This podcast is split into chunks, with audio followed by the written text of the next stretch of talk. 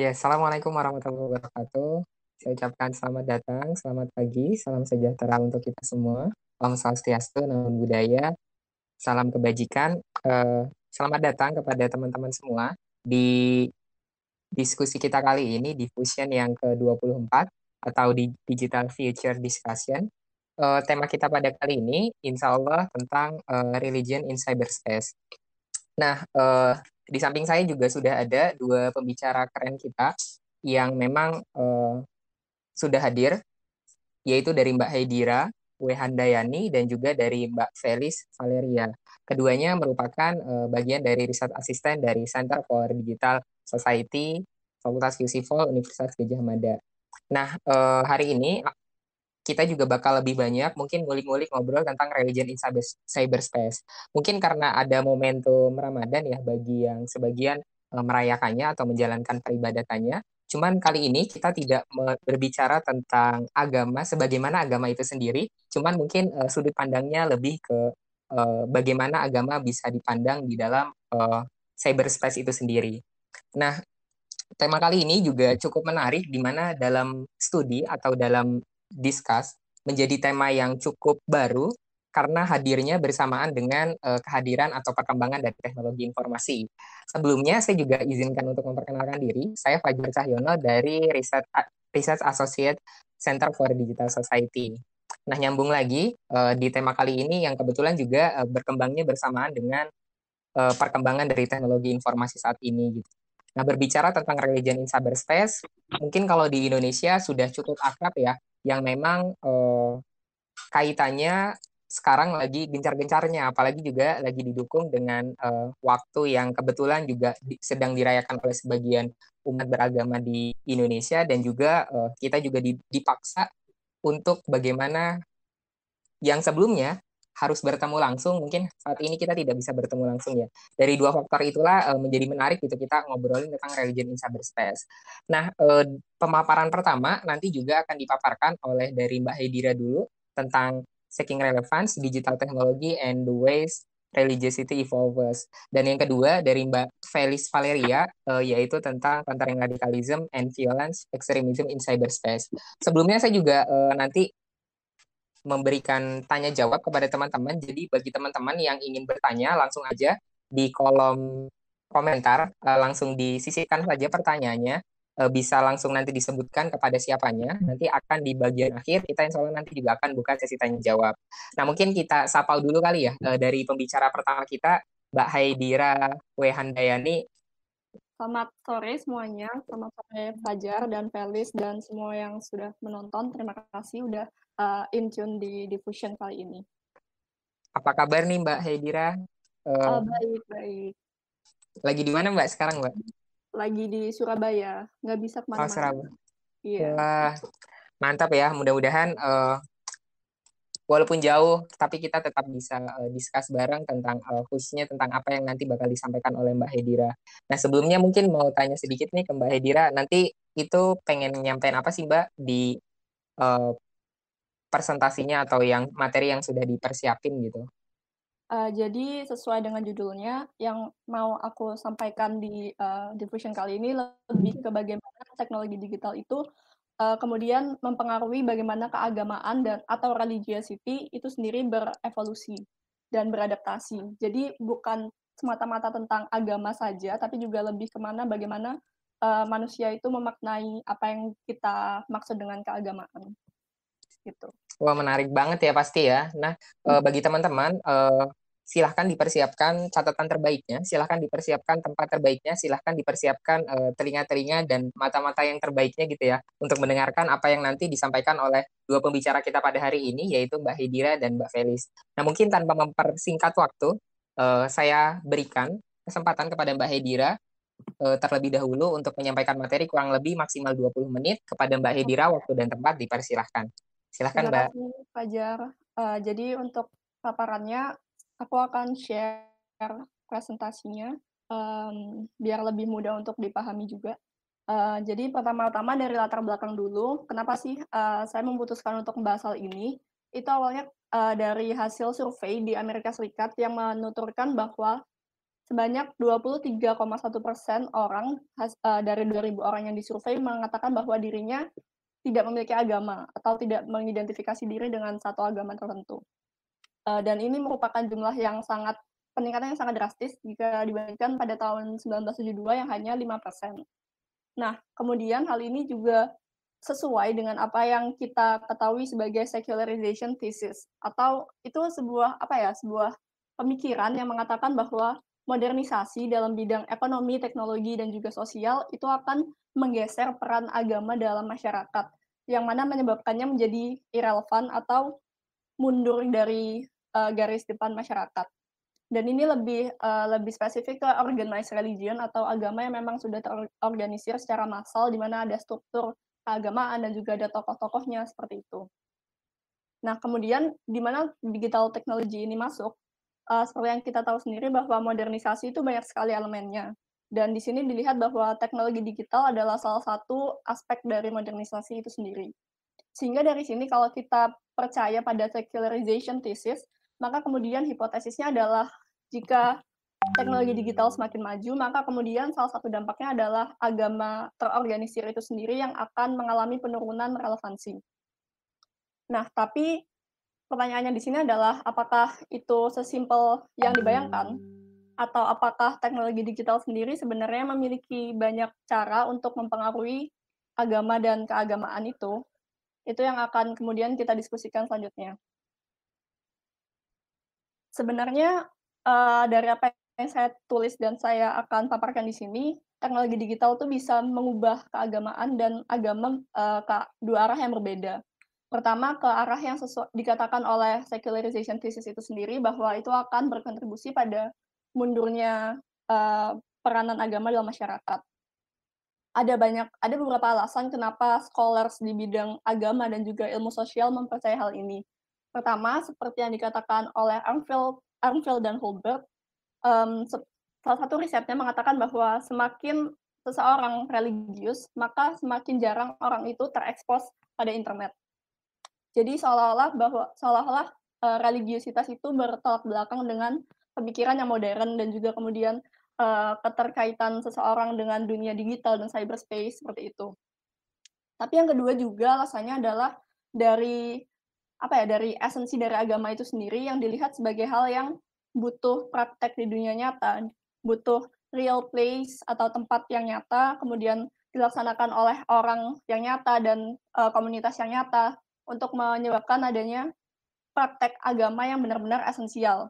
Jadi da dalam hal ini argumennya adalah karena teknologi digital itu dianggap terpisah dari kehidupan kita di dunia nyata, maka kemudian apa yang kita lakukan di teknologi di eee, apa yang kita lakukan di cyberspace itu terlepas dari esensi dari agama yang harusnya dilakukan secara nyata. Dan ini kemudian dikata dan hal ini kemudian dikatakan eee, menurunkan kepentingan dari agama itu sendiri. Lalu juga hal ini kemudian sesuai dengan salah satu riset yang mengatakan pada bahwa pada awal 90-an, di mana penggunaan internet semakin massal digunakan oleh masyarakat di dunia, itu sesuai dengan berbarengan dengan kemunculan banyaknya orang yang mengidentifikasi diri sebagai religious nouns, atau orang yang tidak mengidentifikasi diri sebagai agama apa pun. Nah, itu tadi satu sisi bagaimana di teknologi digital kemudian bisa sesuai dengan tesis sekularisasi yang me mengatakan bahwa hal itu akan negatif bagi peran agama. Tapi di sini yang perlu dilihat adalah pengalaman di Amerika Serikat tadi yang disebutkan di awal, di hasil riset tadi, pengalaman tersebut itu bukan pengalaman yang universal terjadi di seluruh belahan dunia. Mmm, pada dalam hal ini misalnya kita bisa lihat ke pengalaman negara Singapura. Singapura adalah salah satu eee, negara dengan masyarakat yang sangat technologically advance atau sangat dekat dengan teknologi digital dan juga cyberspace dan hal-hal semacam itu, tapi juga merupakan salah satu negara dengan, eee, masyarakat yang, eee, keagamaannya sangat vibrant atau masih sangat, eee, nyala gitu. Dan dalam hal ini kemudian kita juga bisa menarik, eee, asumsi bahwa teknologi digital sebenarnya juga bisa dilakukan atau digunakan untuk meningkatkan peranan dari, kelompok-kelompok agama yang ada. Bagaimana sih caranya hal itu tuh bisa dilakukan, eee, melalui teknologi digital? kalau kita melihat ke pengalaman di Singapura, ada beberapa cara yang dilakukan. Dan ini sesuai dengan uh, religious leaders atau pemuka agama di Singapura, mulai dari agama uh, Protestan, Katolik, dan juga Buddha, yang ada di riset yang saya kutip di sini. Pertama, tentu saja dengan sosial media. Karena sosial media pada zaman sekarang ini semua orang menggunakan sosial media. Dan kemudian pemuka agama bisa menggunakan power dari sosial media ini untuk menjangkau lebih jauh lagi jamaahnya tidak hanya untuk mempertahankan kontak dengan antara imam dan juga jamaah, tapi juga bisa untuk menjangkau orang-orang yang sebelumnya bukan menjadi bagian dari agama tersebut. Jadi di sini sosial media bisa menjadi alat outreach atau penjangkauan informasi yang sangat efektif. Selain sosial media, hal yang sama juga bisa dilakukan melalui email atau website. Dan tidak cuma di Singapura saja, tapi di Amerika juga ada riset yang mengatakan bahwa uh, persentase yang signifikan dari gereja-gereja Protestan menggunakan website dan uh, email listing untuk uh, tetap menjangkau jamaahnya. Selain itu juga website juga telah digunakan sebagai metode untuk mengumpulkan teks teks-teks religius dan hal ini sangat relevan dibicarakan karena agama organized itu sangat bergantung pada teks-teks religius. Misalnya di Islam ada Al-Quran, kemudian hadis-hadis, dan lain sebagainya dan itu bisa didistribusikan dengan lebih lancar dan lebih luas melalui teknologi digital di cyberspace. Maka dari itu, dari beberapa kanal-kanal uh, teknologi digital ini, kemudian uh, sebenarnya organized religion itu bisa meningkatkan pengaruhnya dengan semakin gencar melakukan proselytization atau apa ya bahasa Indonesia-nya mungkin ke mempromosikan agamanya untuk menjangkau lebih banyak umat seperti itu. Nah, tidak hanya itu saja, seperti yang sudah saya bilang di awal tadi bahwa ini tidak hanya terbatas pada agama sebagai sebuah organisasi itu sendiri, tapi juga keagamaan atau religiosity sebagai sebuah konsep. Karena telah dijelaskan sebelumnya bahwa teknologi digital itu bisa mempengaruhi bagaimana orang mengambil mengambil informasi, kemudian terekspos pada informasi, maka kemudian sebenarnya teknologi digital itu secara kita sadari atau tidak kita sadari, teknologi digital juga mengubah cara pandang kita dalam memaknai agama atau spiritualitas yang kita miliki. Um, kira-kira ada tiga caranya atau tiga tahapan bagaimana ini terjadi.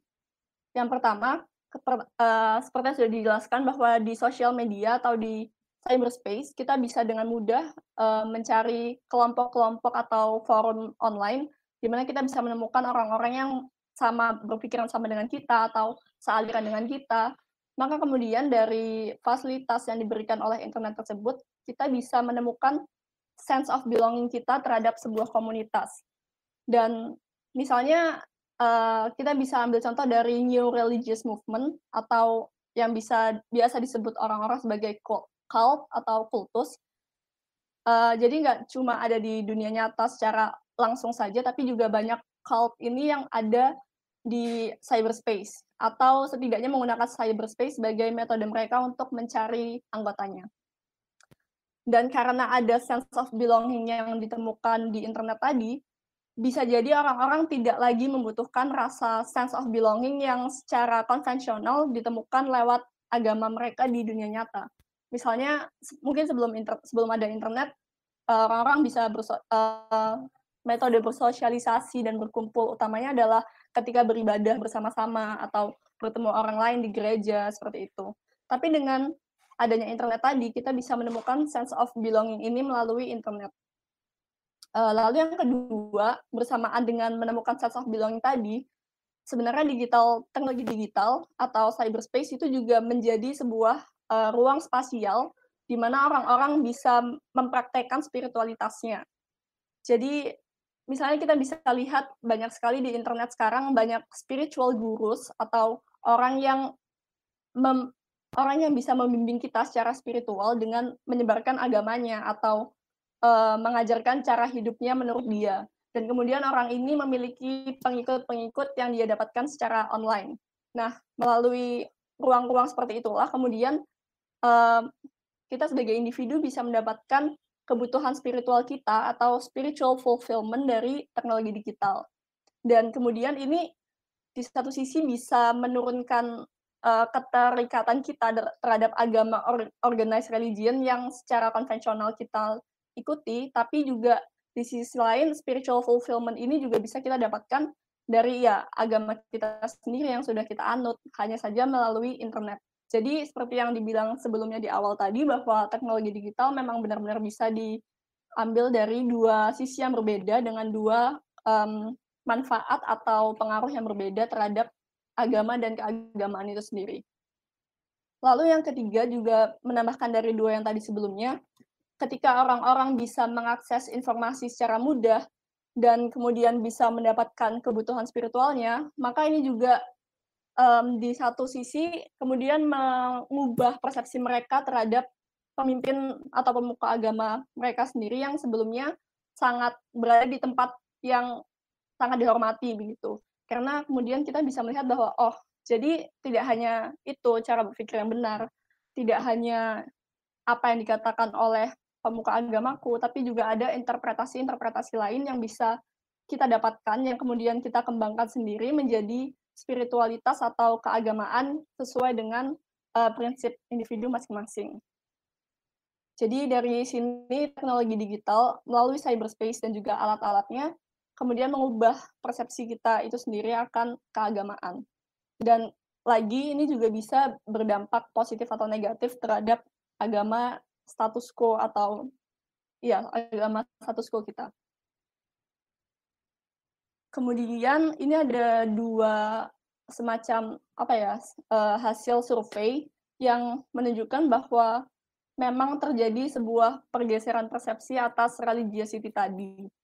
Pertama di Amerika Utara uh, terdapat riset yang mengatakan bahwa banyak individu kemudian uh, mengaku untuk mengaku bahwa mereka lebih lebih cenderung uh, ber lebih cenderung pengalamannya lebih cenderung um, relevan dengan dengan agama-agama yang dimaknai secara individu atau spiritualitas yang mereka maknai secara individual dan sesuai diri mereka sendiri daripada mengikuti bentuk-bentuk organized religion yang dianggap mengekang atau terlalu kolot. Dan ini juga sesuai dengan uh, hasil survei di awal yang sudah dijelaskan tadi mengenai persentase orang yang semakin banyak yang mengakui dirinya sebagai agnostik atau ateis. Kemudian di Indonesia sendiri ya, mungkin yang cukup mengejutkan atau bukan mengejutkan, mungkin ini kurang sering terekspos.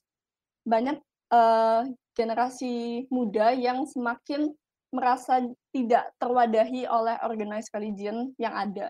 Dan oleh riset yang dilakukan oleh Epaphras, Leonard Epaphras, uh, risetnya mengatak, uh, mempelajari mengenai hal ini dan dalam hasilnya, dalam konklusinya dikatakan bahwa makin banyak uh, anggota dari generasi muda yang mengidentifikasi diri sebagai agnostik atau ateis.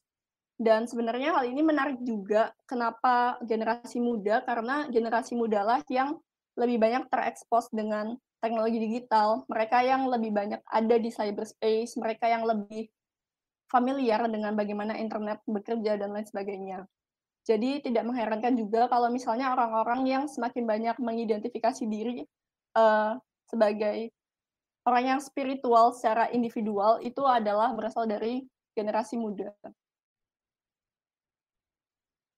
Nah, kemudian ini salah satu studi kasus juga yang menarik dari Indonesia, dari konteks Indonesia, sebagai konsekuensi dari terbukanya ruang-ruang cyber di mana orang-orang bisa menemukan spiritualitasnya masing-masing, di mana orang-orang bisa mencari kelompok-kelompoknya sendiri tanpa harus terpaku pada apa yang sudah diiakan oleh pemerintah misalnya, itu juga memberi dampak yang positif bagi eh, agama-agama minoritas yang di dalam dunia nyata misalnya tidak mendapatkan ruang yang sama atau ruang yang bebas untuk dapat mengekspresikan keagamaannya. Nah, di sini kita membahas studi kasus Muslim Syiah atau Shia Muslims atau Syiite uh, di Indonesia. Jadi seperti yang kita tahu, uh, Muslim uh, agama Islam uh, memiliki banyak sekali aliran dan golongan. Dan salah satu golongannya yang di Indonesia masih tidak diakui dan juga terstigmatisasi, terdemonisasi, kemudian dianggap sebagai musuh dari negara, musuh dari agama itu adalah Shia Muslims. Nah, kemudian karena mayoritas dari penganut Shia Muslims ini masih harus melakukan religiositasnya secara rahasia atau secara, menutupi identitas dirinya untuk alasan keamanan, kemudian dengan adanya kemunculan teknologi digital dan juga semakin mudahnya mengakses internet, eh, kelompok-kelompok ini kemudian bisa membangun identitasnya dan membangun komunitasnya di ruang cyber. Um, misalnya dengan menggunakan website untuk mempublikasi kegiatannya dan juga sosial media untuk um, mencari orang-orang yang berpikiran sama seperti itu. Um, tidak hanya itu juga kelompok-kelompok seperti Ijabi atau Al-Mutahari yang merupakan beberapa kelompok organisasi Shia Muslim di Indonesia juga menggunakan platform-platform di ruang siber ini sebagai metode mereka untuk mencoba mencoba menantang pandangan mengenai Islam yang sangat uniform, yang sangat uh, hitam dan putih misalnya. Jadi dengan hal ini mereka juga bisa lebih leluasa untuk kemudian mengatakan bahwa oh sebenarnya kita tuh tidak seperti yang ditakutkan oleh mayoritas. Kita juga merupakan orang muslim, kita juga masih bisa kita bisa hidup bersama dalam masyarakat dengan damai dan toleransi seperti itu misalnya. Dan tercatat dari riset yang dilakukan oleh IDA uh, pada tahun 2016 sudah terdapat kira-kira 23 medium online yang di yang dilakukan atau digunakan oleh kelompok-kelompok Syiah Muslim di Indonesia untuk uh, saling berkumpul dan saling membangun um, membangun komunitasnya. Tapi sebenarnya yang juga menarik dari hal ini adalah bahwa bukan berarti dengan adanya platform-platform uh, digital tersebut kemudian masalah menjadi selesai tidak sama sekali karena sebenarnya dinamika uh, antar agama yang ada di dunia nyata juga sering kali masih terbawa ke apa yang terjadi di cyberspace. Hal ini ditunjukkan dengan adanya uh, ketimpangan power atau ketimpangan kuasa yang terjadi di dalam cyberspace itu sendiri antara kelompok-kelompok minoritas dan kelompok mayoritas. Misalnya saja dalam kasus Syiah Muslim ini sendiri ditemukan bahwa banyak dari publikasinya masih diawasi secara ketat oleh pemerintah Indonesia, khususnya oleh Kementerian Agama. Dan tidak hanya itu juga, masih banyak uh, media massa uh, mainstream atau kelompok mayoritas Islam yang sangat ketat dan sangat berusaha untuk memerangi Syiah Muslim ini sendiri dengan membuat kanal-kanal online tandingan yang mengatakan bahwa oh itu sesat, mari kita blokir website ini, mari kita laporkan website ini ke pemerintah. Seperti itu. Jadi uh, mungkin yang bisa kita ambil dari sini uh, sebenarnya ruang-ruang digital itu memang memberikan memberikan kesempatan untuk uh, agama minoritas dan juga kepercayaan-kepercayaan yang termarginalisasi di dunia nyata untuk kemudian bisa membangun dirinya sendiri. Tapi hal itu bukan berarti menyelesaikan masalah yang sudah sangat mengakar dalam masyarakat kita. Nah, uh, kemudian kita sebenarnya sampai sampai situ aja mate, paparan materinya, tapi dari apa yang sudah dipaparkan tadi kita bisa tarik beberapa poin-poin penting. Yang pertama bahwa internet sebagai bagian dari teknologi digital itu sendiri memang bisa meng, mengancam atau mengundermine kebenaran mutlak yang selama ini dipegang oleh agama-agama dominan atau agama-agama yang memang sudah diiakan oleh masyarakat dan pemerintah. Mungkin di satu sisi ini negatif bagi agama-agama dominan tersebut, tapi seperti yang sudah kita jelaskan, kita, uh, yang sudah saya jelaskan di awal tadi, hal ini juga sebenarnya bisa menjadi alat-alat yang di diambil atau dimanfaatkan oleh pemuka agama agama dominan untuk semakin lebih banyak menggait uh, umatnya atau mencari relevansi dalam dunia yang semakin terdigitalisasi. Jadi sebenarnya poin penting di sini adalah karena teknologi digital tidak bisa dihambat dan mau tidak mau semua orang juga akan semakin terekspos pada cyberspace dengan penggunaan internet, maka kemudian agama-agama yang sebelumnya sudah dominan itu perlu tetap mencari cara untuk membuat dirinya relevan. Karena tanpa melakukan hal itu, maka mau tidak mau relevansinya juga turun dan bisa kehilangan kehilangan uh, loyalitas atau pengikut-pengikutnya karena di sini kita juga harus memaknai bahwa agama itu bukan hanya sebuah ajaran atau kepercayaan, tapi juga bentuk terorganisir dalam sebuah masyarakat. Seperti itu. Uh, lalu juga dari sisi agama-agama minoritas sendiri, seperti yang sudah dijelaskan, sebenarnya teknologi digital memberi banyak kesempatan bagi gerakan gerakan-gerakan atau komunitas-komunitas ini untuk semakin bisa memberdayakan diri mereka dan mencari titik berangkat yang lebih equal atau setara dengan agama-agama mayoritas. Uh, sehingga dari paparan-paparan tersebut, kita bisa kaitkan kembali ke secularization thesis atau uh, teori sekularisasi yang sudah dijelaskan di awal bahwa sebenarnya yang terjadi bukan tidak seperti itu, tidak tidak sesuai dengan tesis sekularisasi karena karena digital teknologi atau teknologi digital di sini kita lihat sebagai alat dan media yang bisa digunakan oleh siapa saja dan dengan cara apa saja. Jadi ketika kita membicarakan teknologi digital, agama, dan kaitannya dengan modernisasi, uh, tesis sekularisasi bisa dikatakan outdated atau tidak bisa mengencompass apa yang terjadi di status quo seperti yang lebih beragam dan lebih um, lebih kompleks daripada yang dibayangkan. Seperti itu. Terima kasih. Ya, terima kasih banyak Mbak Hedira, menarik banget ya penjelasannya eh, tentang apa namanya pembahasan khususnya yang tadi tentang digital teknologi dan kaitannya bagaimana caranya digital teknologi ini bertemu dengan agama dan tadi sedikit banyak diulas tentang uh, tesis secularism ya yang memang mungkin dimulai dari uh, Renaissance itu sendiri. Nah mungkin Mbak sebelum nanti kita berganti aku juga pengen tanya nih sama Mbak uh, aslinya menjadi menarik banget bahas ini tuh kalau semisal uh, kita ngelihat salah satu argumentasi dari uh, Imam Al Ghazali yang dia memang sedikit disclaimernya uh, seorang sufistik dan sangat berhati-hati banget sama kemajuan. Uh, secara singkat sih dia bilang bahwa uh, ekspresi yang itu ditampilkan terhadap publik akan mungkin timbul gesekan-gesekan gitu. Nah, nyambung ke pertanyaannya, gesekan-gesekan antar kelompok ataupun antar umat beragama yang lainnya. Nyambung ke pertanyaannya itu, eh, bagaimana sih peran dari teknologi ini, Mbak, terhadap toleransi beragama gitu?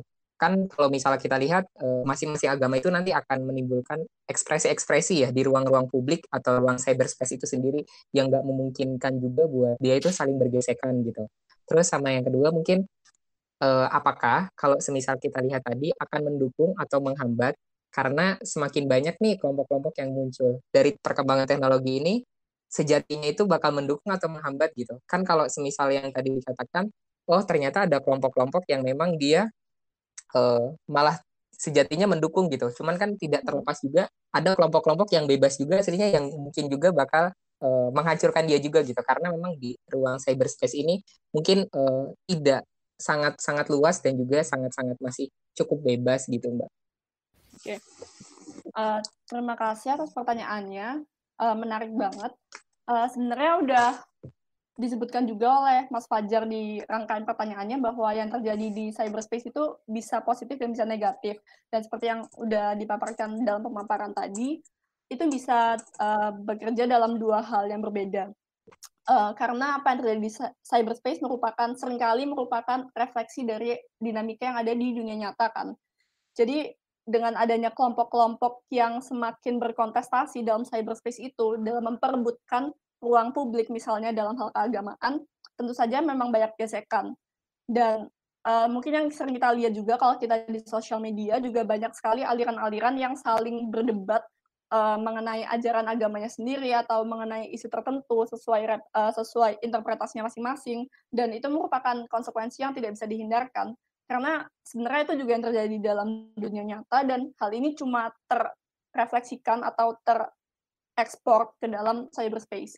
Tapi kalau mau membicarakan toleransi agama, uh, saya sendiri cukup optimis sih, uh, terutama dalam hal interfaith movement atau gerakan lintas iman dengan adanya cyberspace dan juga platform-platform di mana orang semakin bisa memperdiskusikan dan semakin bisa membicarakan mengenai toleransi dan juga berhubungan dengan kelompok-kelompok agama yang berasal dari luar komunitasnya.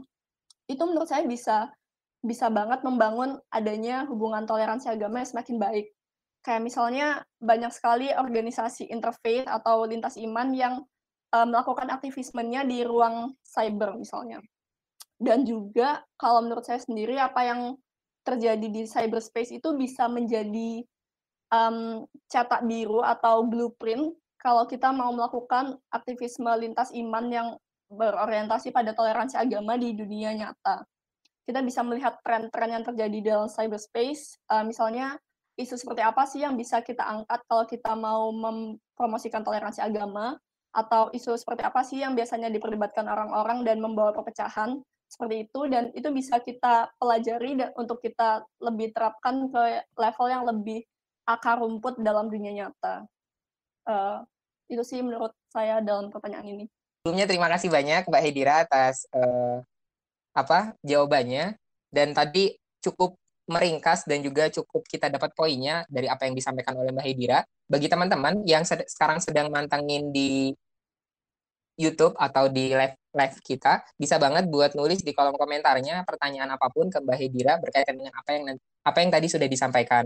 Nah sebelum masuk ke pemaparan yang kedua, uh, saya juga ingin ngasih tahu kepada teman-teman tentang kalau semisal teman-teman ingin tahu lebih jauh tentang dunia teknologi dan juga masyarakat digital, bisa banget dengan cara follow IG, IG kami atau IG dari CFDS underscore UGM dan juga bisa lihat banget uh, tentang di website kami di ugm.id garing digital society.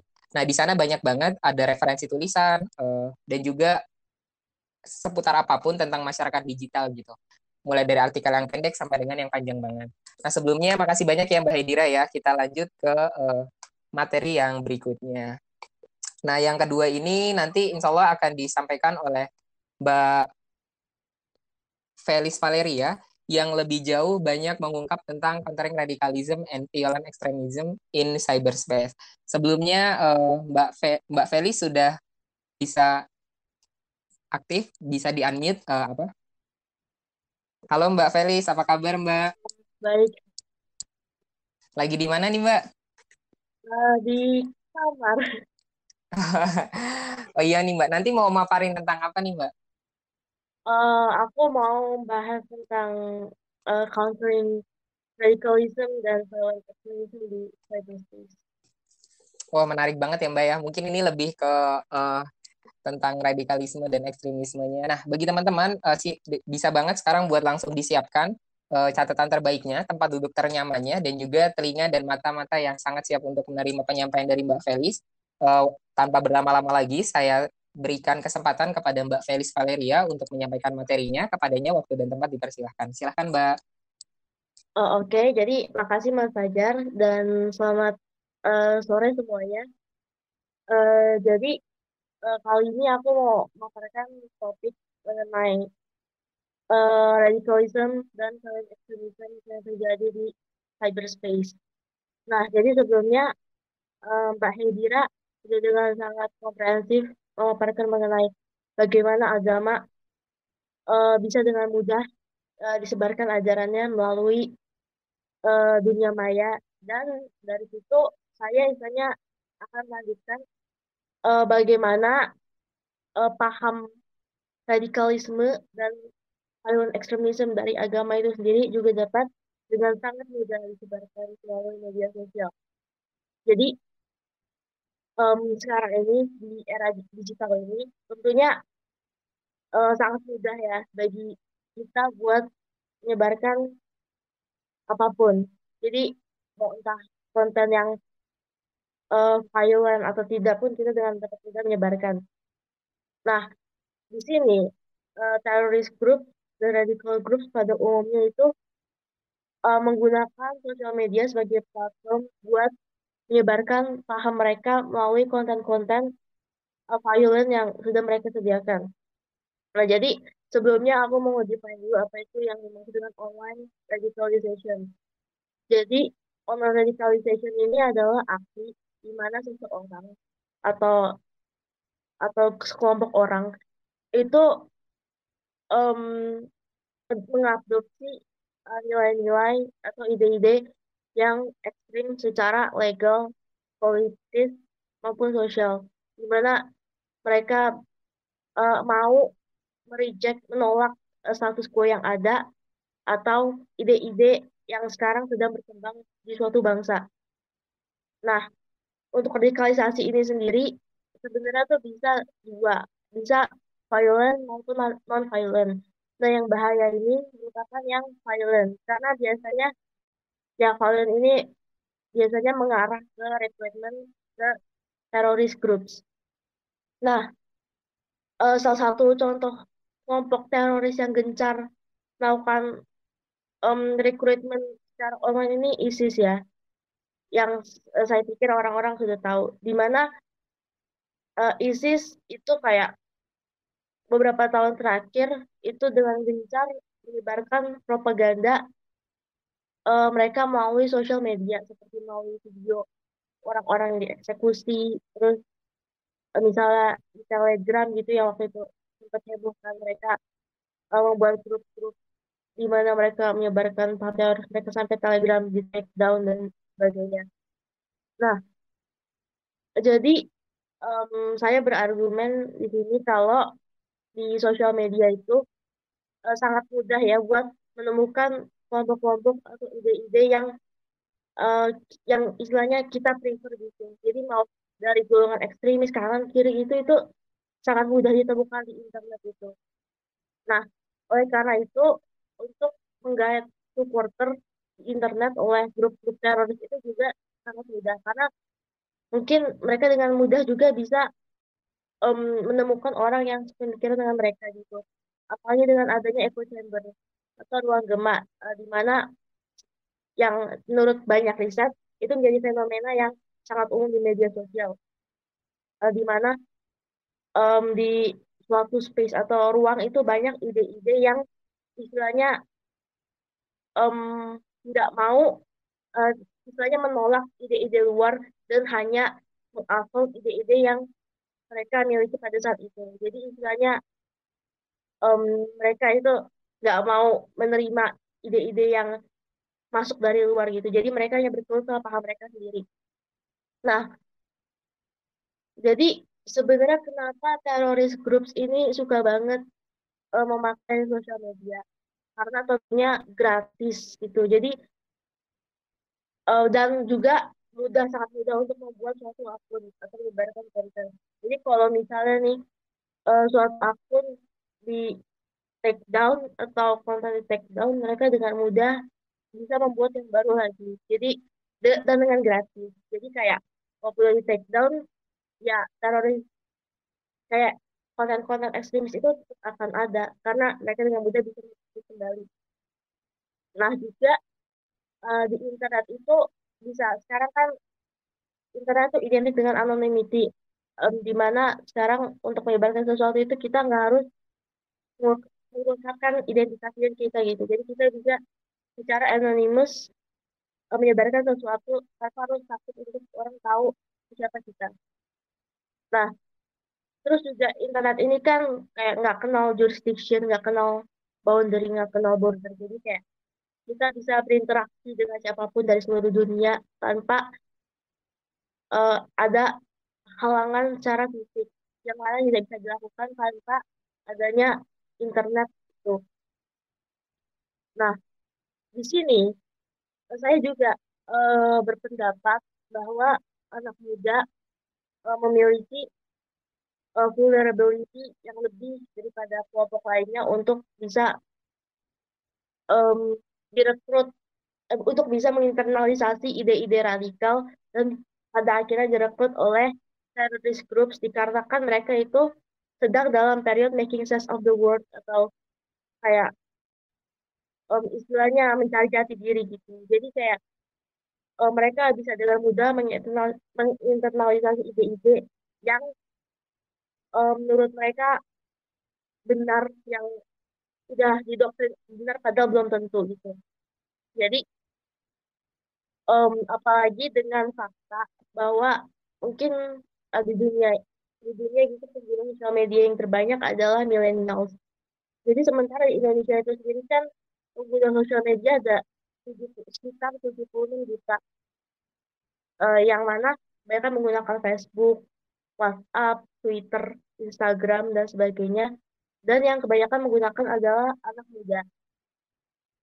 Nah, um, jadi uh, di platform-platform tersebut itu tuh sebenarnya nggak cuma rekrutmen aja yang dilakukan, tapi juga financing uh, untuk um, memberi uang kepada organisasi-organisasi tersebut untuk beroperasi. Jadi kayak misalnya bisa melalui fraud gitu atau pencurian data dan sebagainya yang mana biasa teroris-teroris grup tersebut lakukan untuk untuk juga merekrut orang masuk ke grup mereka. Atau bisa juga secara voluntary um, meminta donasi kepada mereka yang bersimpati kepada grup tersebut gitu. Dan juga uh, biasanya grup-grup ini tuh melakukan rekrutmen dan propaganda melalui berbagai media-media interaktif seperti bahkan video game, terus video-video kartun, dan pokoknya yang lain-lain yang kiranya menarik itu bagi anak muda gitu. Jadi kayak istilahnya konten-konten yang mereka sebar itu sudah disesuaikan dengan apa yang uh, anak muda sukai. Jadi makanya uh, anak muda itu lebih prone terhadap radikalisasi dan rekrutmen ke um, terus groups ini apalagi kan kayak sekarang kan udah menjamur banget ya um, teroris on wall atau teroris yang tanpa organisasi tanpa bantuan melakukan serangan mereka. Jadi kayak yang itu tahun 2019 yang uh, terrorist attack di Christchurch di New Zealand yang mana seorang pemuda itu um, menembak uh, menembak orang-orang seorang pemuda yang misalnya white supremacist itu menembak banyak orang di uh, suatu masjid di Kristen. Nah itu tuh ada yang mengatakan kalau misalnya itu tuh um, disebabkan oleh salah satunya itu keinginan dia buat emang mau proliferate paham itu melalui sosial media. Jadi kayak dia tuh pas melancarkan pas melakukan attack itu dia tuh juga melakukan live streaming di Facebook gitu.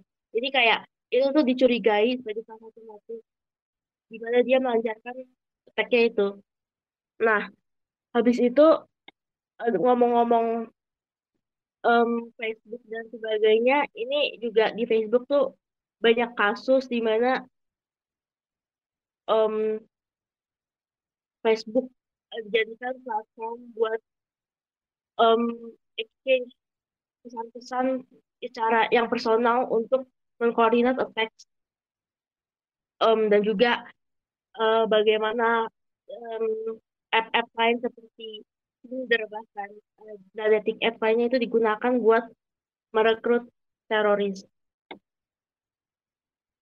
Jadi uh, jadi sangat banyak kasus di mana remaja-remaja di dunia itu terekspos ke ide-ide radikal dari internet padahal sebelumnya mereka digolongkan sebagai anak yang istilahnya dianggap oleh lingkungan mereka tuh baik-baik aja gitu.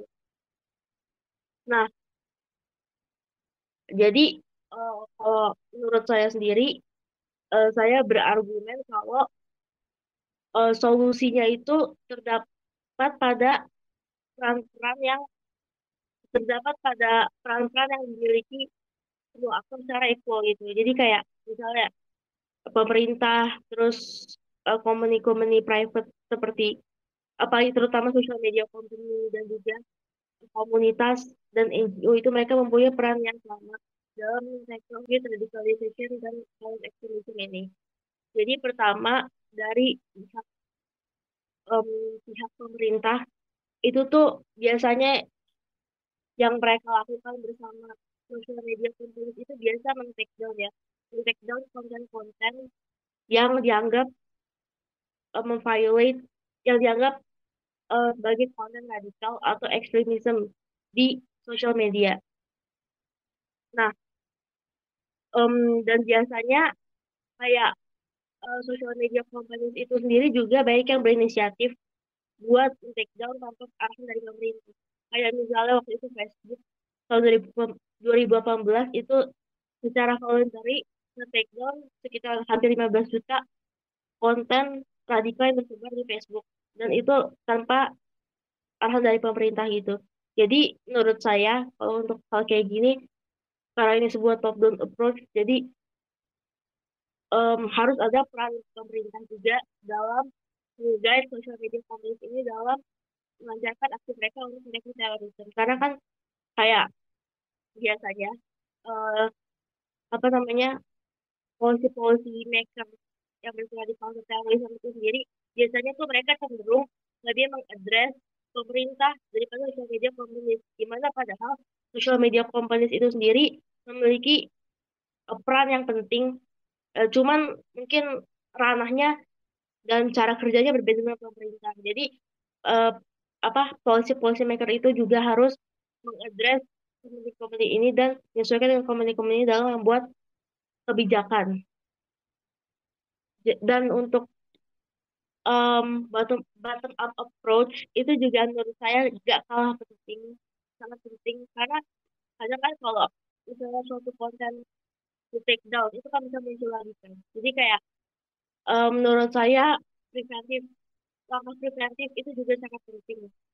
Yang mana bisa dimulai dari peran komunitas seseorang itu sendiri.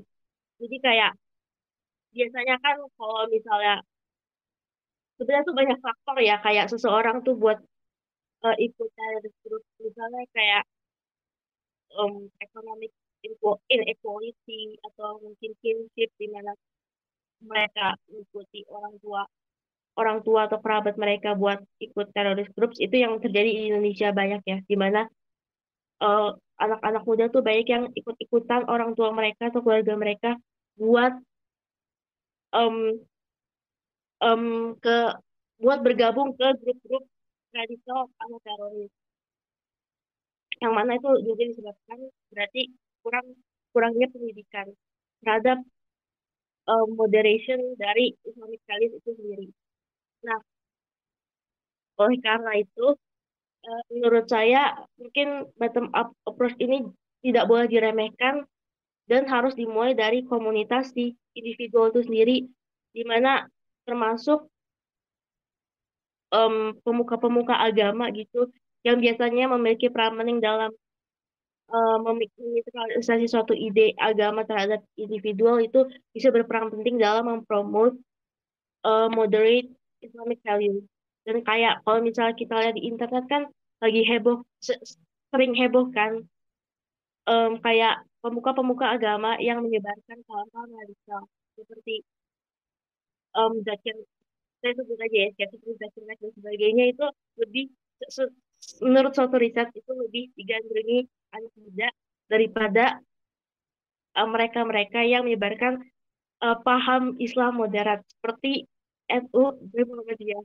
Jadi sebenarnya tuh uh, kalau misalnya mau men-tackle uh, dari secara grassroots jadi um, mereka-mereka ini yang mempromot Islamic moderate values ini contohnya yang harus uh, lebih diinvolve seperti pembuatan konten di sosial media agar bisa mencegah radikalisasi anak muda ini.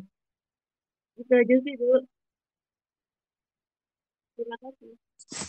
Ya, Mbak Felis, makasih banyak Mbak atas pemaparannya menarik banget tentang uh, apalagi isunya tentang radikalisme dan ekstremisme ya, yang memang uh, mungkin kalau semisal kita di negeri uh, plus 62, plus 62 negara berkembang Indonesia itu cukup mendapatkan atensi dan juga perhatian banget baik itu dari pemerintah ataupun dari uh, tataran grassroots di society masyarakatnya gitu.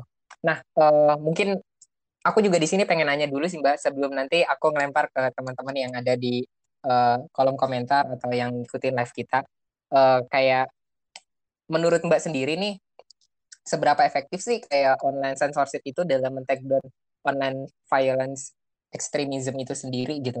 Kayak kan uh, aslinya susah-susah gampang ya untuk uh, bagaimana lembaga censorship itu melihat atau men-take down atau men-tackle isu-isu yang ada di uh, isu-isu yang memang tidak sesuai dengan uh, apa yang memang seharusnya ada di cyberspace itu sendiri. Mungkin Mbak bisa menjelaskan lebih jauh.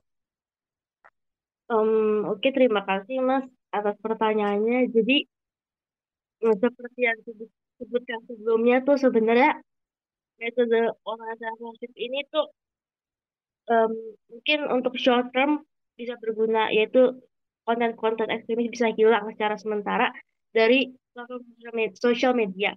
Tapi untuk long term mungkin itu kurang efektif karena kan seperti yang disebutkan sebelumnya tadi konten-konten ekstremis yang baru bisa dengan mudah ya di-upload lagi dan akun-akun yang sudah di shutdown bisa dibuat lagi gitu. Apalagi dengan adanya dark web gitu. Jadi kayak um, pengetahuan saya tuh sekarang tuh banyak unsur radikal dan teroris yang menggunakan dark web buat berkomunikasi dan melanggar aksi mereka. Ini tuh melalui dark web ini kan istilahnya masyarakat umum tidak bisa mengetahui dan melakukan apa yang sedang dilakukan di dalamnya kan. Jadi kayak tidak ada yang bisa melaporkan juga dan juga um, identitas mereka bersifat, bersifat anonim gitu. Jadi um, siapa aktor siapa aktor-aktor penting yang biasanya melancarkan aksi-aksi teroris tersebut sehingga juga untuk mendapat apa apa di negara-negara yang menjunjung tinggi freedom of right, freedom of speech, freedom of privacy gitu gitu itu akan sangat susah buat uh, men-tackle hal tersebut karena kan identitas pribadi sebagai hak itu juga sangat dilindungi kan. Nah, um, jadi uh, sebenarnya menurut saya daripada sekedar online censorship lebih efektif lagi kalau misalnya online komunitas komunitas online yang dilibatkan buat lebih buat men-tackle uh, radikalisme itu sendiri secara preventif gitu karena takedown itu hanya bersifat sementara karena kemudahan pembuatan itu sendiri. Iya, uh, terima kasih Mbak Felis atas jawabannya. Uh, mungkin nanti kita bakal banyak lagi diskusi di uh, sesi tanya jawab. Uh, bagi teman-teman yang saat ini sedang lihat live kita, apabila ada pertanyaan bisa banget disampaikan di kolom komentar. Nanti uh, dari tim kami akan coba merekap apa yang ditanyakan dan langsung uh, saya bacakan kepada pembicara. Nah, uh, sekarang ini sudah ada beberapa pertanyaan yang memang uh, sudah disampaikan oleh penonton kita di live-nya. Uh, mungkin yang pertanyaan yang pertama itu buat Mbak Hedira dulu tentang uh, manakah dampak terbesar yang saat ini dirasakan dari re relevansi agama dengan teknologi atau dampak, baik itu dampak positifnya apa negatifnya gitu dan alasannya itu kenapa? Oh, Oke, okay. uh, terima kalau, kasih uh, pertanyaannya, Mas Mas Fajar. Uh, sebenarnya kalau ditanya mana yang lebih besar pengaruhnya, uh, lebih banyak dampaknya positif atau negatif, saya sendiri juga masih bingung juga uh, menjawabnya yang mana. Soalnya seperti yang dilihat dari pemaparan saya tadi, ketika teknologi digital bisa memfasilitasi agama-agama uh, minoritas dan juga kelompok-kelompok yang termarginalkan dalam hal spiritualitas, tapi juga di sisi lain, apalagi dengan uh, pemaparan dari Felis tadi bahwa uh, teknologi digital juga memfasilitasi gerakan-gerakan radikal dan juga hal-hal uh, negatif lainnya. Jadi uh, saya sendiri sih belum bisa jawab negatif atau positif, tapi menurut saya dengan adanya teknologi digital ini yang bisa kita manfaatkan atau kita look forward ke depannya adalah semakin terbukanya ruang publik supaya semakin banyak orang bisa lebih berpartisipasi di dalamnya dalam hal keagamaan. Karena seperti yang kita tahu bahwa di banyak negara, di banyak tempat, agama itu sendiri masih menjadi sesuatu yang diatur dengan ketat. Uh, harus ada agama yang di, uh, diperbolehkan, ada yang dilarang, dan lain sebagainya. Jadi dengan ada teknologi digital, uh, saya sih berharapnya itu bisa memfasilitasi suara-suara yang selama ini termarginalkan dan juga masih terstigmatisasi dan juga terpersekusi untuk bisa mereka menemukan komunitasnya dan juga bisa um, menjalankan kepercayaannya masing-masing. Uh, tapi juga di sisi lain, kalau misalnya radikalisme itu kan sudah menjadi sesuatu yang uh, suatu hal yang mengancam secara fisik dan juga memang ada alasan untuk uh, kita berhati-hati terhadapnya. Jadi hal tersebut udah bukan ranah dari semata-mata kebebasan saja, tapi juga masalah keamanan juga. Jadi kalau misalnya hal tersebut sudah bisa dikategorikan, uh, menurut saya sih lebih banyak potensi positifnya karena untuk alasan-alasan yang sudah saya sebutkan sebelumnya. tapi juga kalau misalnya kita melihat new religious movements atau online cults yang tadi sempat saya singgung sedikit, sebenarnya ajaran-ajarannya juga banyak yang bersifat riskan bahkan bagi pengikutnya sendiri. Terus misalnya kalau misalnya teman-teman pernah dengar ada yang namanya kelompok New Heaven's Gate, itu di Amerika Serikat. Jadi dia bentuknya adalah sebuah cult, kultus yang ada pemimpin spiritualnya. Kemudian dia menyebarkan agamanya dan menjaring pengikutnya salah satunya lewat internet. Lalu kemudian um, kelompok ini, New Heaven's Gate ini melakukan mass suicide atau bunuh diri massal. Jadi sebenarnya uh, pemaknaan spiritualitas yang semakin banyak, yang semakin beragam, itu juga kemudian menyebabkan um, resiko-resiko baru yang mungkin tidak terbayangkan sebelumnya dengan adanya agama-agama yang masih uh, yang kita tahu saja agama-agama konvensional. Um, Ya sih, uh, itu cuma sedikit memberikan ilustrasi aja bahwa hal ini sangat kompleks dan sangat banyak posibilitas yang bisa dibawa dalam hal agama dan keagamaan dalam kaitannya dengan teknologi digital. Jadi, uh, maaf kayaknya saya nggak bisa menjawab dengan pasti positif negatifnya, cuman itu tadi saya, uh, merasa optimis dengan adanya kemungkinan yang lebih baik, asal diimbangi dengan um, pelaksanaan otoritas negara atau pihak-pihak yang berkewajiban yang lebih imbang nantinya. Seperti yang udah dibantu jawab oleh Felis tadi. Ya, makasih Mbak Hedira pertanyaannya. Memang cukup dilematis banget ya Kak, e, tentang kalau positif atau negatifnya e, lebih banyak yang mana. Oh iya, tadi juga e, pertanyaannya itu dari Mas Johansen Pardede. Sebelumnya terima kasih banyak Mas pertanyaannya. Terus mungkin buat berikutnya ke Mbak Felis nih kita ada pertanyaan dari Kak Lutfi Nurfalak. Nah, e, pertanyaannya itu banyak dari kalangan an aktivis anti terorisme dan dari deradikalisasi mengeluhkan tentang efek media sosial dalam mempengaruhi anak-anak muda sehingga tertarik pada gagasan akan radikalisme dan terorisme. Akan tetapi yang patut disayangkan saat ini kita banyak melihat bahwa cara yang ditempuh masih konvensional belaka gitu. Sedangkan untuk dunia digital masih kalah akan narasi yang besar. Nah, kalau dari Mbak Feli sendiri tanggapannya melihat hal itu gimana Mbak? Jadi emang sih masalah utama yang mengendrai radikalisme itu sendiri karena gagasan yang menarik ya. Nah jadi uh, makanya gagasan-gagasan tersebut um, harus di counter dengan counter naratif yang juga um, multidimensional. Pokoknya tuh biasanya, gue tahu, seingat saya, kalau misalnya grup teroris itu biasa ada lima dimensi utama yang menjadi grievance mereka atau keluhan mereka uh, buat menyebarkan um, paham terorisme itu sendiri yang mana dapat ditinjau dari aspek politik, uh, sosio-psikologis, um, sejarah, um, lalu instrumental dan theological. Jadi uh, misalnya nih uh, theological, um, secara teologis itu kalau misalnya menurut mereka itu uh, untuk mencapai jihad ya dengan membunuh gitu. Uh, dan um, mungkin narasi narasi kayak gitu ya yang menarik anak muda gitu. Apalagi emang anak muda yang sudah istilahnya didoktrin sedikit sedikit paham radikalisme dari kecil gitu uh, karena mungkin itu udah jadi apa ya uh, istilahnya udah cara otologi tertanam di diri hmm. mereka mungkin kan sangat susah gitu sebenarnya buat menderadikalisasi tapi itu tentunya selain dengan uh, bottom up, bottom up approach yang tadi saya bilang sebelumnya melalui pendidikan di uh, komunitas lokal itu juga bisa melalui counter naratif yang efektif dengan mengadres lima dimensi yang sebelumnya saya bilang.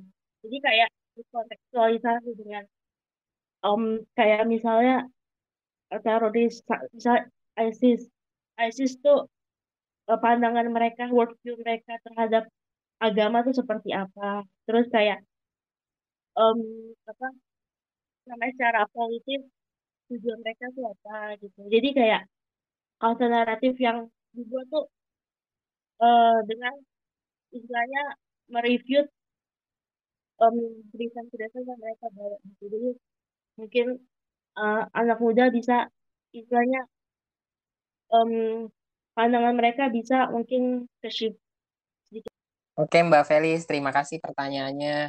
Ini ada satu pertanyaan lagi nih dari Mbak Rahmadita Kusumastiti. Menarik banget nih pertanyaannya uh, tentang pertanyaannya buat dua pembicara kita, buat Mbak Hedira sama Mbak Felis.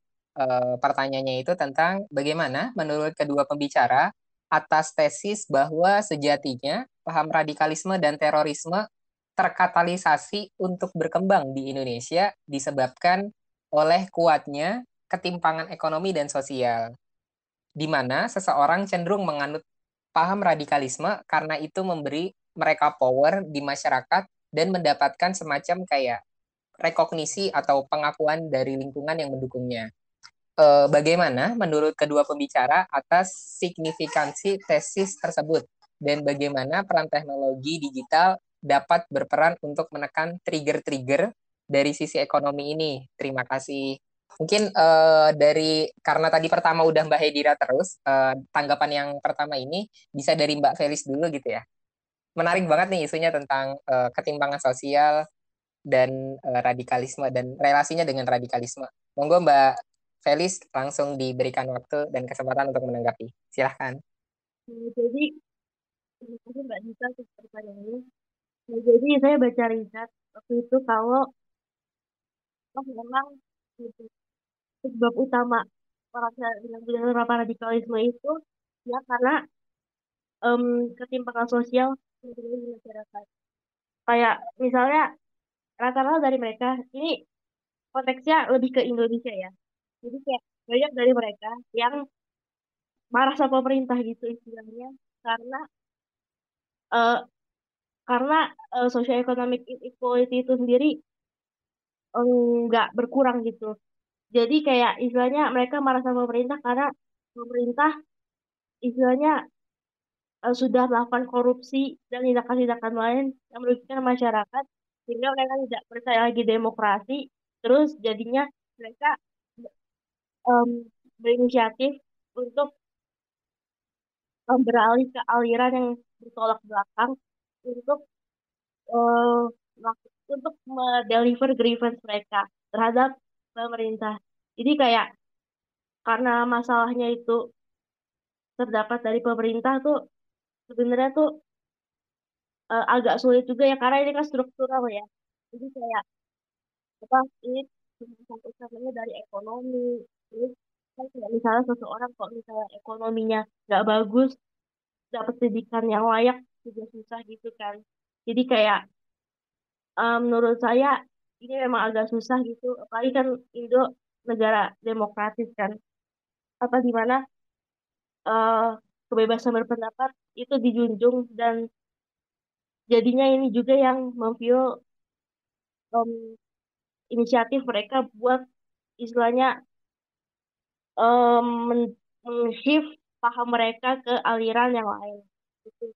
Jadi kalau menggunakan teknologi, teknologi digital itu sebenarnya ya ya itu yang sebenarnya tadi saya bilang itu yang melalui counter naratif itu sendiri. Karena kayak um, orang-orang tuh in the first place bisa terpapar paham radikalisme selain karena mereka marah kepada pemerintah ya karena kurangnya pengetahuan kan istilahnya pengetahuan tentang agama mereka sendiri. Ini kayak itu sih menurut Oke, makasih Mbak Felis uh, apa tanggapannya.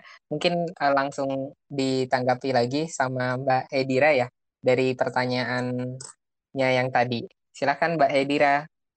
Uh, terima kasih untuk pertanyaannya. Mungkin menambahkan sedikit dari Felis juga uh, dan nyambung lagi ke pertanyaannya yang tadi emang menanyakan konteks Indonesia. Menurut saya juga ini tesisnya signifikan karena emang di kasus-kasus terorisme dan radikalisme yang terjadi emang seperti itu dan nggak cuma di Indonesia aja tapi kayak di kasus-kasus radikalisme yang skala besar kayak misal Al Qaeda atau Boko Haram di Nigeria itu juga uh, udah banyak studi yang menunjukkan kalau misalnya emang mereka yang direkrut menjadi simpatisan atau teroris itu juga, itu juga karena mereka diberi iming-iming um, feedback bentuk uh, hal yang ekonomis gitu untuk membantu taraf hidup mereka seperti itu. Jadi uh, memang kalau misal kalau misalnya kita ngomongnya agak luas dikit uh, mengenai radikalisme juga ini bukan masalah yang konsen apa ya masalah yang terpusat di satu akar aja tapi emang banyak sekali faktor-faktor lainnya Terus kalau misalnya dihubungkan dengan teknologi digital,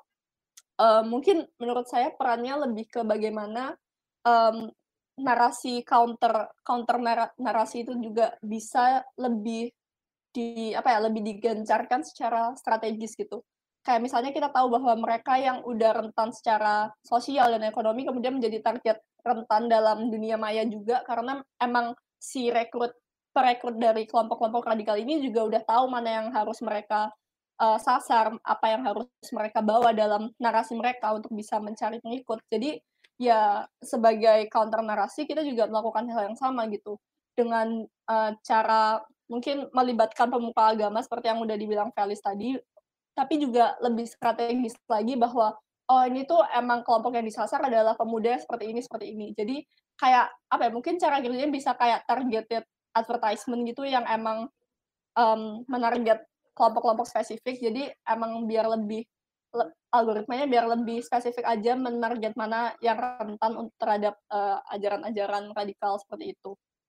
Um, udah itu aja pertanyaannya tadi ya. Mungkin itu aja sih yang bisa saya tambahkan.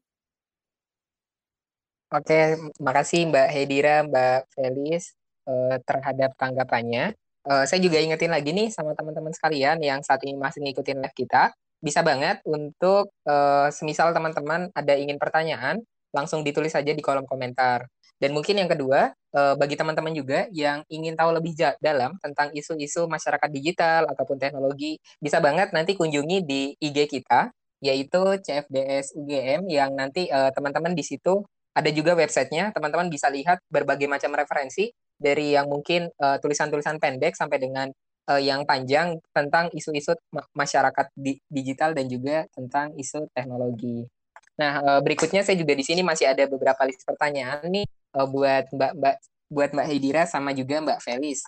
Uh, mungkin berikutnya buat Kak Felis dulu nih uh, tentang dari Mbak dan Mas Johansen Pardede tentang apakah dengan melakukan kontra nasional kontra, narasi online efektif dalam memerangi terorisme saat ini. Mungkin uh, Mbak Felis bisa memberikan contoh-contohnya dan juga uh, gambaran dasarnya seberapa efektif sih mungkin juga apa mengulang pertanyaan yang tadi saya juga ya tentang uh, kontra narasi online tentang terorisme itu sendiri.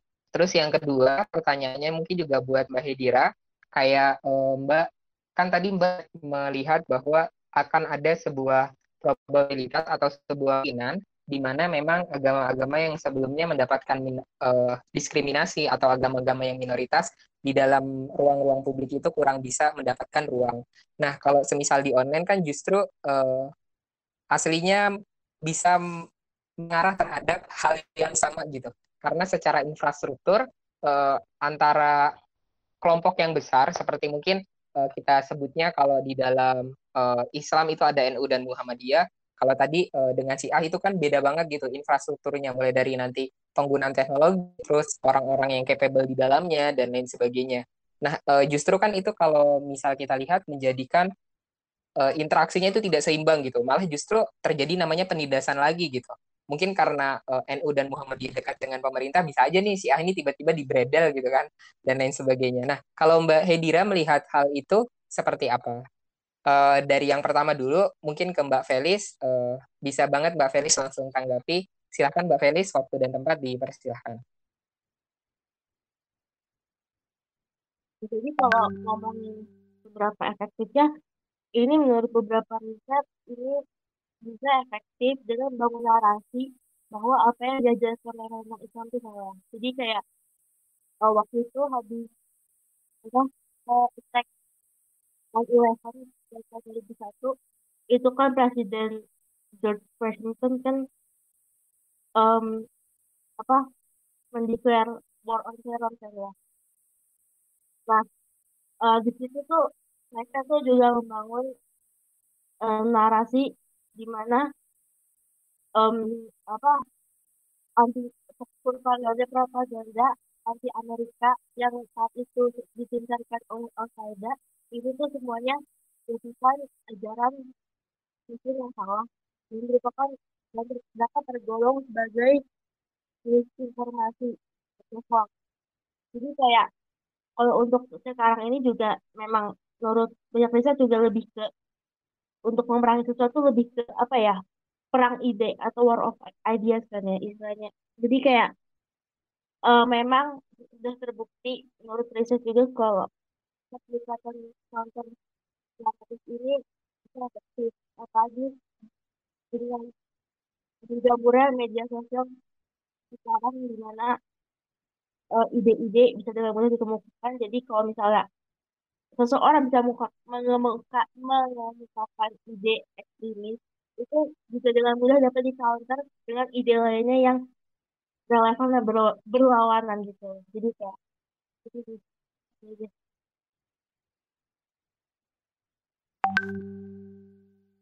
Oke, monggo. Um, makasih Mbak Felis atas tanggapannya. Uh, langsung ditanggapi berikutnya uh, ke Mbak Hedira. Oke, terima kasih untuk jawab pertanyaan tadi yang kedua. Uh, bagaimana dengan uh, tidak setaranya kapabilitas masing-masing kelompok mayoritas dan minoritas di cyberspace? Uh, tadi sempat udah saya jelasin sedikit juga di bagian terakhir dari pemaparan bahwa emang ini juga udah dibuktikan dalam riset juga kalau misalnya um, emang ada ketimpangan yang terjadi antara kelompok agama minoritas dan mayoritas di dunia cyber juga sama seperti yang terjadi di dunia nyata. Tapi uh, mungkin kalau kembali lagi ke studi kasus Muslim Shia yang tadi sudah saya paparkan, pertama sebenarnya gerakan itu juga salah satunya di backup oleh pemerintah Iran juga. Uh, tapi itu bukan poinnya. Uh, mungkin itu cuma uh, apa ya kayak memberi uh, gambaran bahwa sebenarnya banyak kok jaringan-jaringan di belakang kelompok minoritas ini yang mem masih memberi mereka support dan juga dukungan dalam hal sumber daya. Tapi memang masih tidak menyamai kelompok mayoritas.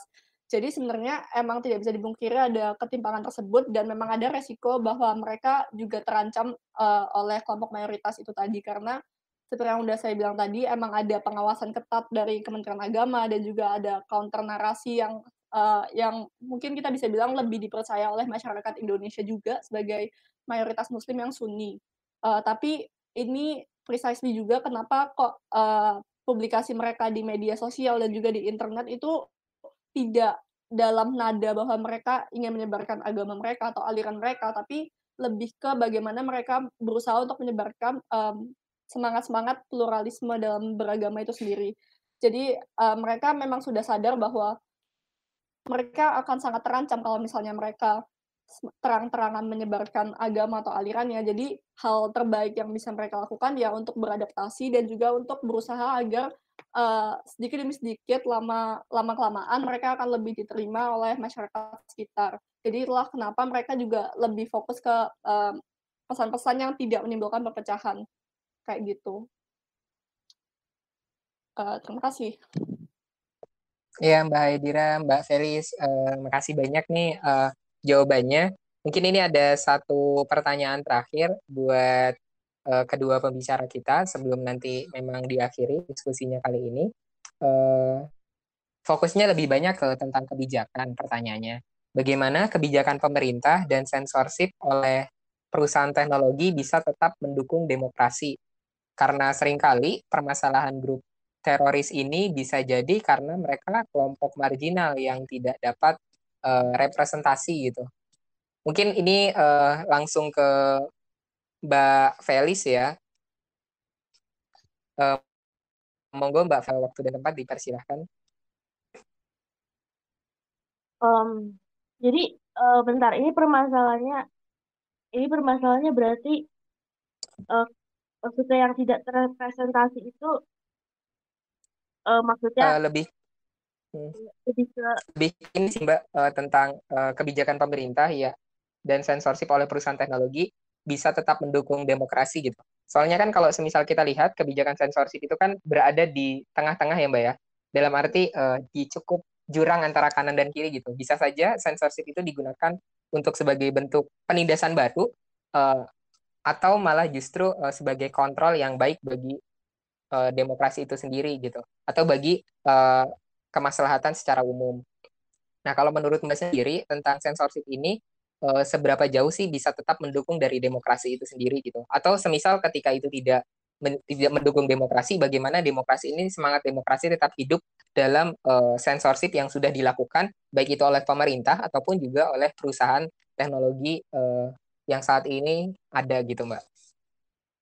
Ya sebenarnya menurut saya kok soal kebijakan censorship itu harus ada pertama harus ada justifikasi yang jelas ya kenapa satu kelompok itu sensor yang dikritik itu. Ini kan misalnya kalau misalnya kelompok radikal atau teroris kan memang sudah jelas karena mereka mengganggu tatanan kehidupan masyarakat itu dengan paham-paham dan mereka yang misalnya um, dapat menghancurkan masyarakat itu sendiri itu. Jadi mungkin um, karena itu censorship itu sendiri bisa, bisa dijustifikasi pada maksud buat bahwa sebenarnya mengundermine suatu paham tertentu bisa didasar itu. Tapi kalau misalnya uh, itu digunakan sebagai alat margin alat marginalisasi itu mungkin menurut saya udah beda kasus ya.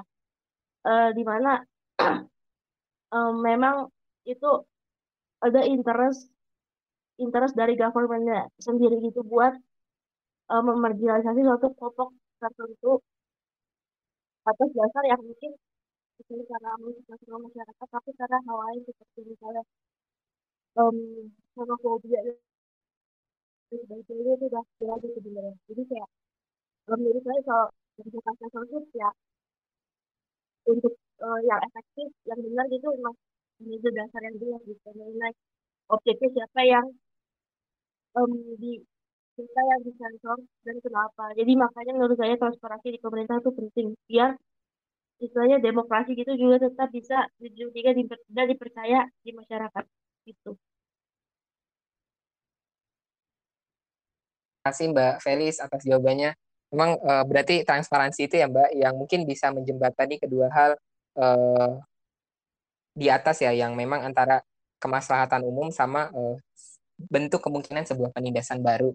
Nah mungkin uh, terakhir nih ke Mbak Heidira ya uh, tanggapannya berkaitan dengan fenomena di atas. Oh iya, mungkin kalau contoh kasusnya itu kita sering banget ya bahkan kalau semisal demo-demo dan lain sebagainya itu kan sering banget ya tiba-tiba kita nggak bisa uh, munculin isu apa gitu dan lain sebagainya. Mungkin dalam konteks agama juga hampir serupa ada fenomena yang demikian. Monggo Mbak Hedira uh, bisa ditanggapi pertanyaannya. Silahkan. Oke, jadi sekalian nambahin Felis tadi, emang menurutku, menurut saya kasus uh, ada garis yang sangat tipis antara menjaga keamanan dan dengan menghindari terorisme dan radikalisme dan juga um, mengancam kebebasan karena uh, sekilas mungkin susah membedakan mana karena kedua kelompok ini baik itu yang minoritas yang tertindas atau kelompok underground yang menyebarkan radikalisme itu sama-sama menggunakan platform-platform uh, online untuk menyebarkan uh, dalam komunitasnya. Jadi emang sangat sulit sekali membedakan. Tapi kalau misalnya menurut saya sih uh, garis yang harus ditarik adalah ketika satu satu dari gerakan-gerakan tersebut sudah mulai mengancam keamanan secara uh, secara bisa terukur gitu uh, ada justifikasi yang bisa dilakukan uh, jadi karena seperti yang udah dibilang Felis tadi kalau terorisme dan radikalisme itu ada dimensi kekerasan yang mengancam dan kemudian itu menjadi justifikasinya tapi kalau misalnya sebatas ideologi atau misalnya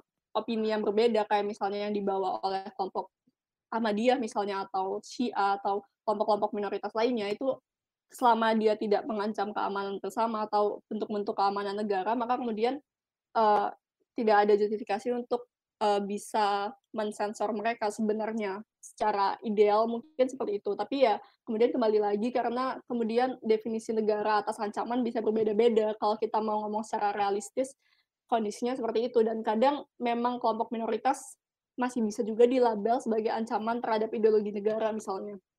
Um, jadi ya memang sih sangat kompleks sekali kalau misalnya ngomong tentang censorship. Karena itu tadi um, sulit sekali untuk menjaga keseimbangan antara keduanya.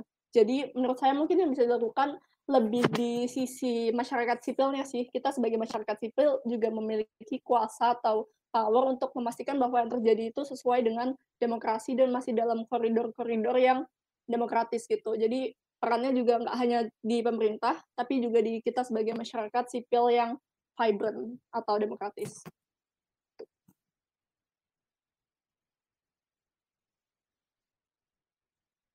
Oh, masih ke mute, Mas. Maaf ya, makasih banyak ya Mbak Hedira, diingetin lagi dua kali nih.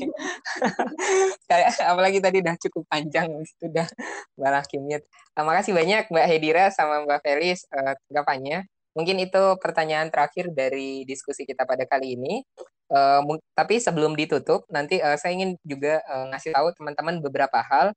Mungkin uh, dari yang pertama, bagi teman-teman yang ingin memberikan uh, feedback, masukan, kritik, ataupun saran buat diskusi kita di Fusion kali ini, bisa banget nanti langsung diklik uh, bit.ly garing kritik saran CFDS nanti teman-teman bisa banget uh, memberikan saran dan kritiknya buat gimana sih diskusinya itu bisa lebih efektif lagi atau uh, bisa lebih baik lagi gitu ya. Uh, terus juga uh, bagi teman-teman yang nanti pengen ngepoin lebih lanjut nih tulisan-tulisan dari Mbak Hedira sama Mbak Felis, khususnya yang memang tentang uh, materi kita pada sore kali ini, uh, insya Allah nanti juga bakal dipublis juga. Uh, teman-teman bisa banget cek di IG kita atau di website kita Uh, kalau di IG mungkin di CFDS, kalau di website uh, nanti teman-teman juga bisa lihat banget di cfds.ugm.ac.id. Nah, uh, di situ banyak banget isu-isu atau banyak banget paper yang dari yang panjang ataupun yang pendek mengulas tentang masyarakat digital dan juga teknologi. Nah, uh, berikutnya mungkin ternyata hari ini ya berdiskusi tentang religion in cyberspace nggak cuma tentang berbicara uh, bagaimana peribadatan di dalam religion itu uh, masuk ke ranah cyberspace saja ya, tapi uh, juga tadi mungkin kalau sudah dipaparkan oleh Mbak Hedira uh, bagaimana sebuah terjadi sebuah kemungkinan baru dalam uh, bertemunya atau adanya relasi tentang agama dengan teknologi digital yang mungkin salah satunya tentang uh, kemungkinan bahwa agama-agama yang kecil atau yang merasa minoritas itu memberikan ruang bagi mereka. Terus kalau Mbak Felis juga tadi mungkin banyak uh, mengulas tentang bagaimana sih caranya mengcounter uh, narasi dalam radikalisme dan juga ekstremisme di ranah digital itu sendiri. Nah, uh, karena sudah di akhir dan juga sudah waktunya sudah cukup, uh, saya di sini selaku moderator berterima kasih banyak kepada dua pembicara kita hari ini, Mbak Hedira Fitri dan Handayani dan juga Mbak Felis Valeria atas waktu dan kesempatan. Uh, terus juga saya juga berterima kasih kepada teman-teman sekalian yang sampai dengan saat ini mantengin live kita dan juga sudah bertanya ataupun melihat kita sampai dengan selesai ini. Uh, kurang lebihnya mohon maaf. Uh, yang salah dari saya pribadi, yang benar dari Tuhan. Wassalamualaikum warahmatullahi wabarakatuh. Selamat sore. Semangat. Selamat sore. Terima kasih semuanya.